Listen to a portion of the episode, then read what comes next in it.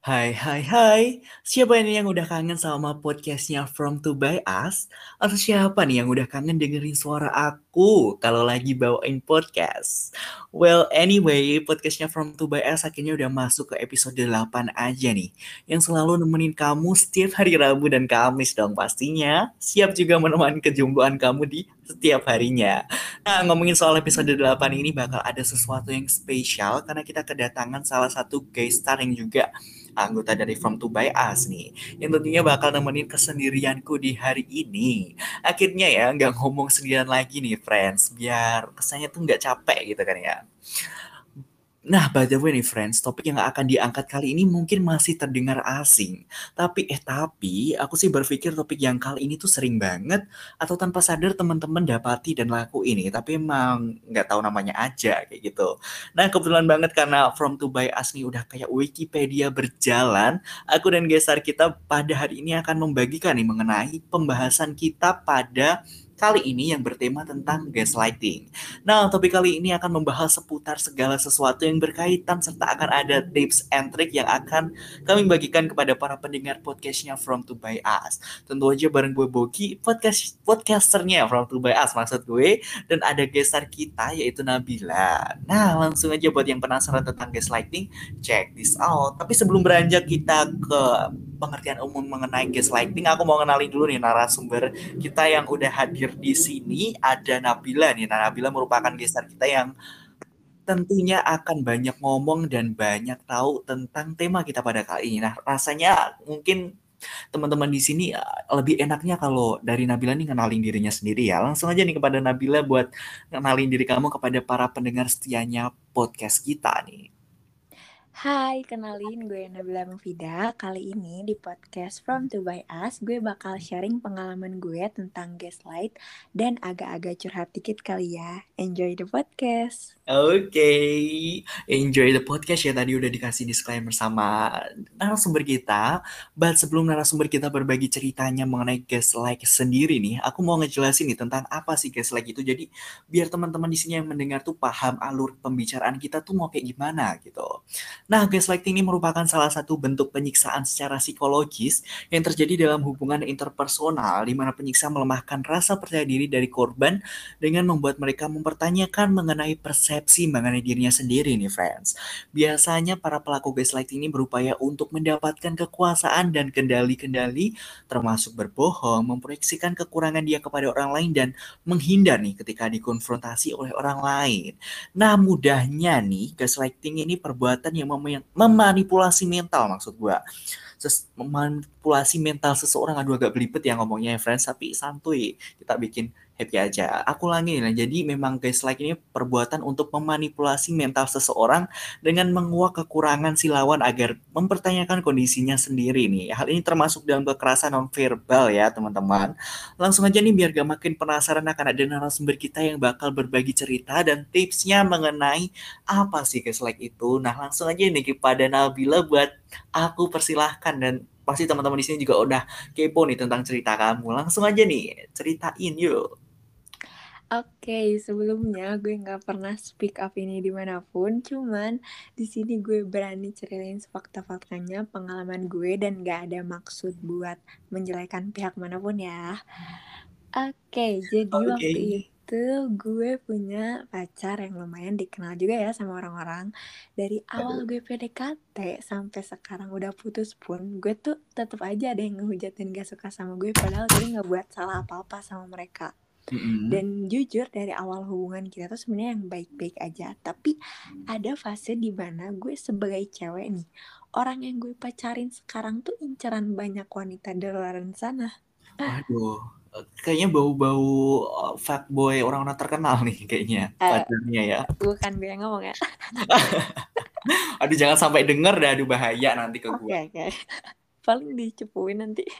aduh. Oke oke okay, okay, lanjut eh kayak gue pernah dong di titik di mana gue ngerasa insecure kayak secuek-cueknya gue, segak cemburu-cemburunya gue, sebodoh matanya gue, gue Mm-mm. juga pernah kok insecure kayak yang bikin gue insecure tuh sebenarnya bukan mau tuh ada cewek lebih cantik, lebih famous, lebih pintar atau lebih alim dari gue yang ngedeketin cowok gue, enggak.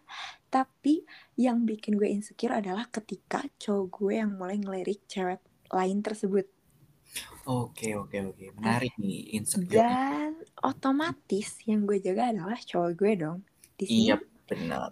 di sini gue juga nggak menyalahkan wanita lain enggak. Gue sampai pernah ngomong ke dia kayak gini.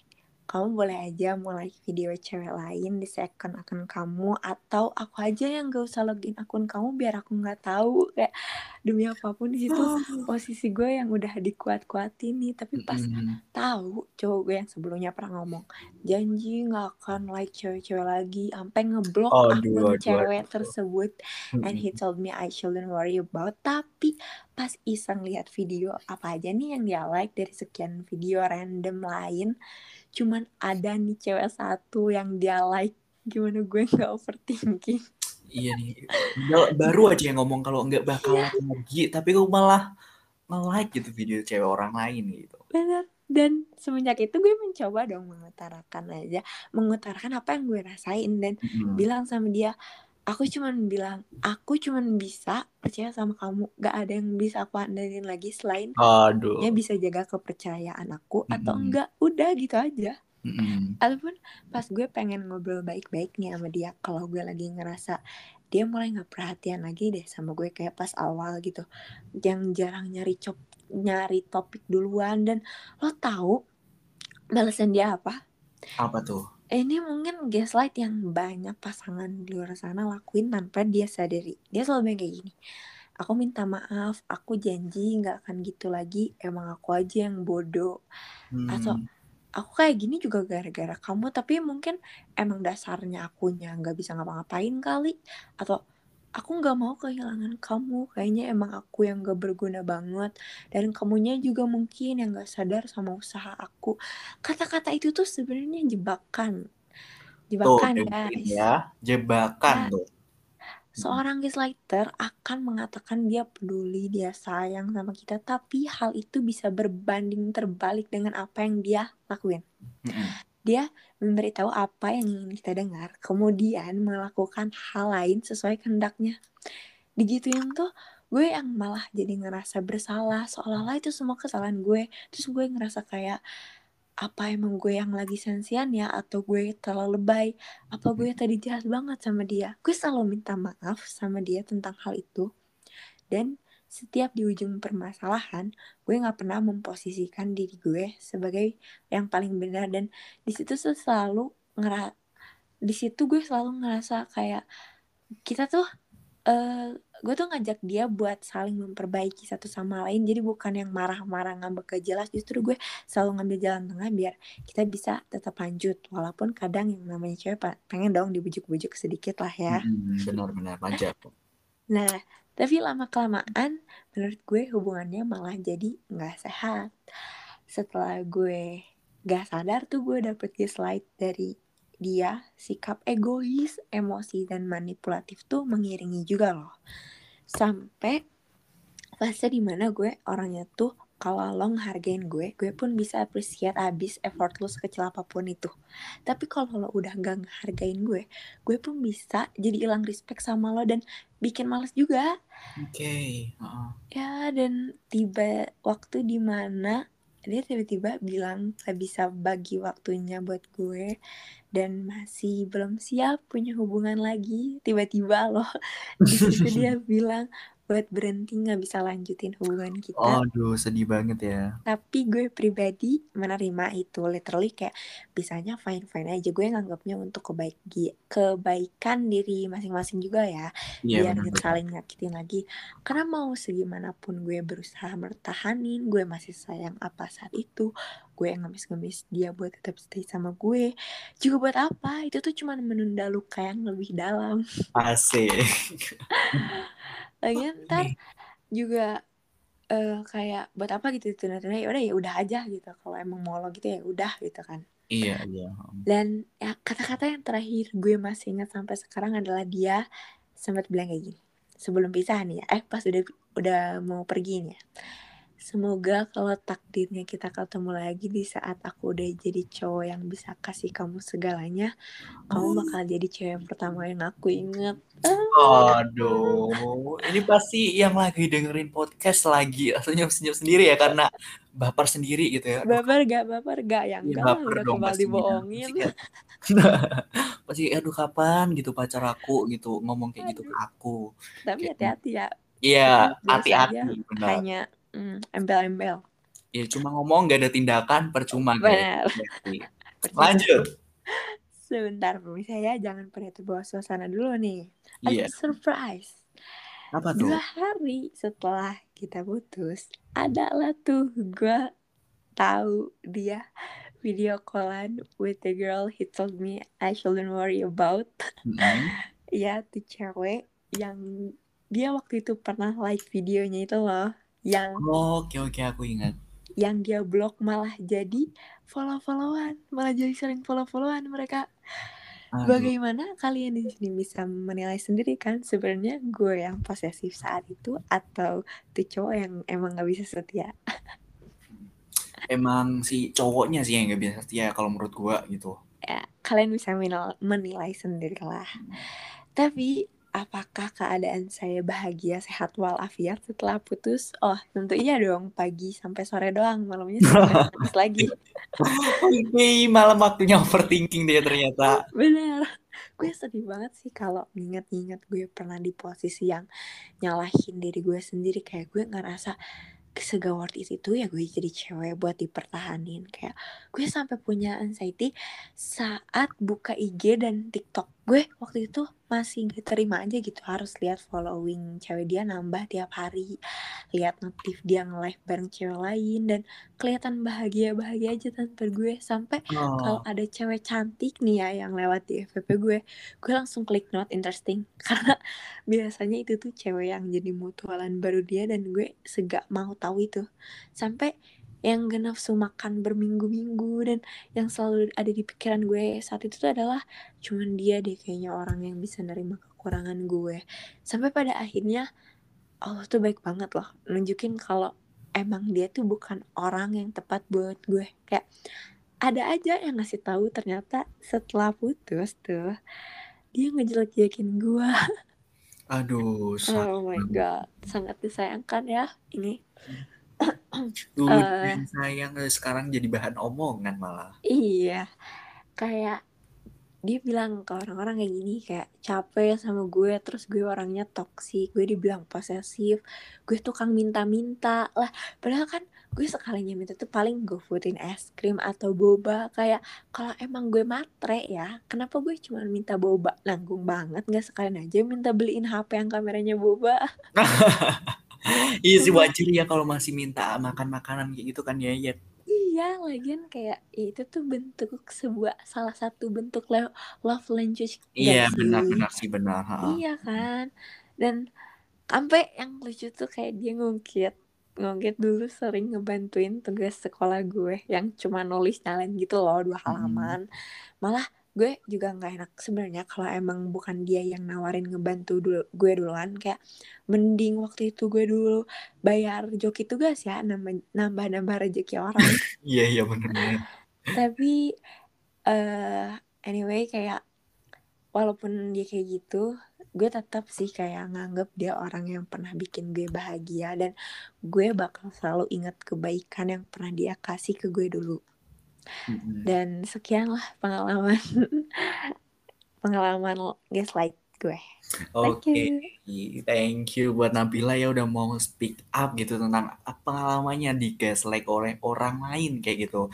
Nah tadi aku rasa juga pastinya sangat relate banget sama pendengar-pendengar di sini. Masih entah itu yang lagi pacar-pacarannya lagi romantis-romantisnya atau yang memang udah break up sama pasangannya pasti mengalami nih biasanya perilaku-perilaku gaslight kayak gitu ya. Dan aku sih berdoanya semoga yang lagi kasmaran kayak ini sih nggak gitu ya. Semoga hubungannya sehat-sehat aja, baik-baik aja. Amin, amin.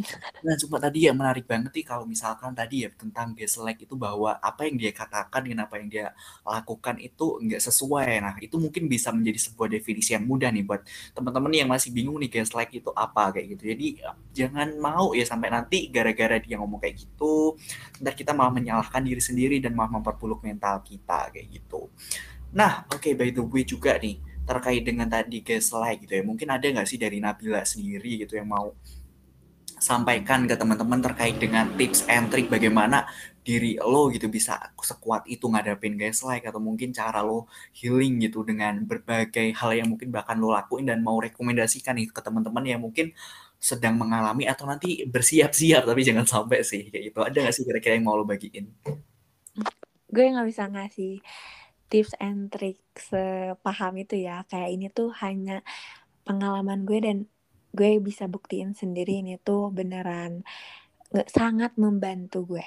Kayak selama satu bulanan tuh ya kayak gue healing gue bercoba untuk healing introspeksi diri perbaikin diri gue fokus dengan kebahagiaan diri gue sendiri bener-bener yang gue gak langsung jadiin seseorang yang baru tuh sebagai penyembuh luka gue karena prinsip gue kalau gak bisa ngadepin ujian hidup gue sendiri sekarang, gue gak akan bisa lulus dan naik kelas nantinya.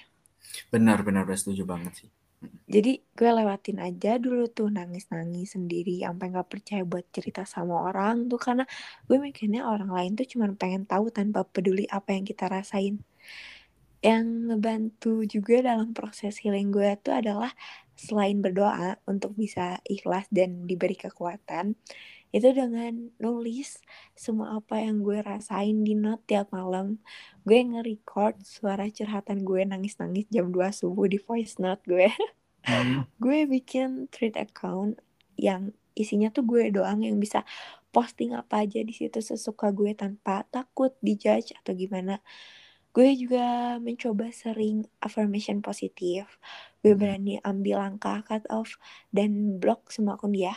Gue jadi lebih dekat sama keluarga dan teman-teman terdekat gue. Gue lebih nyibukin diri untuk hal apa pun itu yang bikin gue grow dan gak bikin yang di situ-situ aja. And yeah I'm here. Semua sekarang jauh lebih baik. Oke, keren banget sih tadi tentang tips healing dan juga apa yang dihasilkan. Tadi ya dengerin bahwasannya hmm, ada manfaat positifnya gitu. Kadang dengan Bener kita banget. jauh dari orang yang mungkin kita rasa toksik, ternyata kita juga didekatkan sama keluarga kita ya. Intinya tuh yang kehilangan juga pasti bakal ada yang gantiin gitu. Dan sebenarnya yeah. masih banyak kok yang peduli sama lo kayak gitu.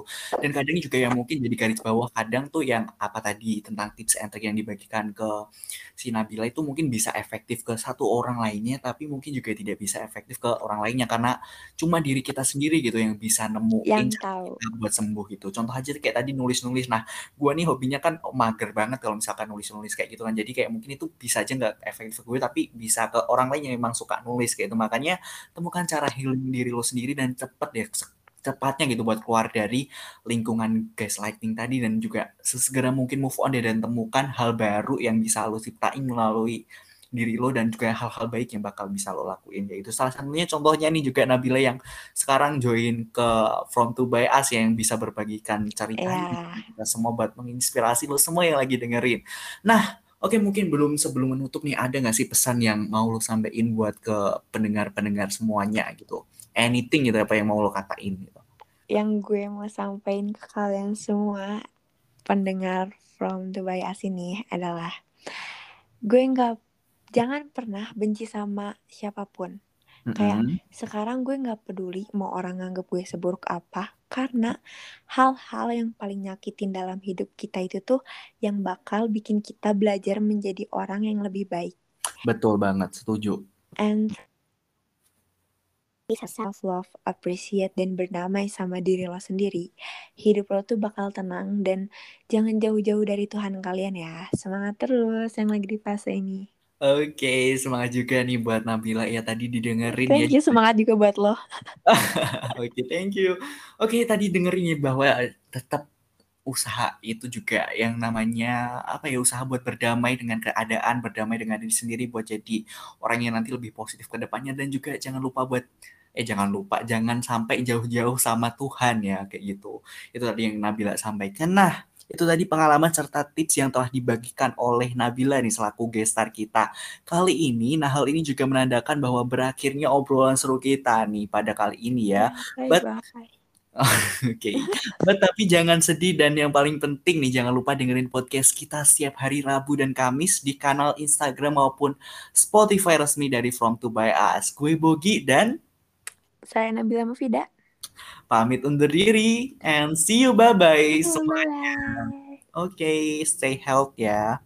Stay healthy guys, jaga kesehatan. Oke. Okay.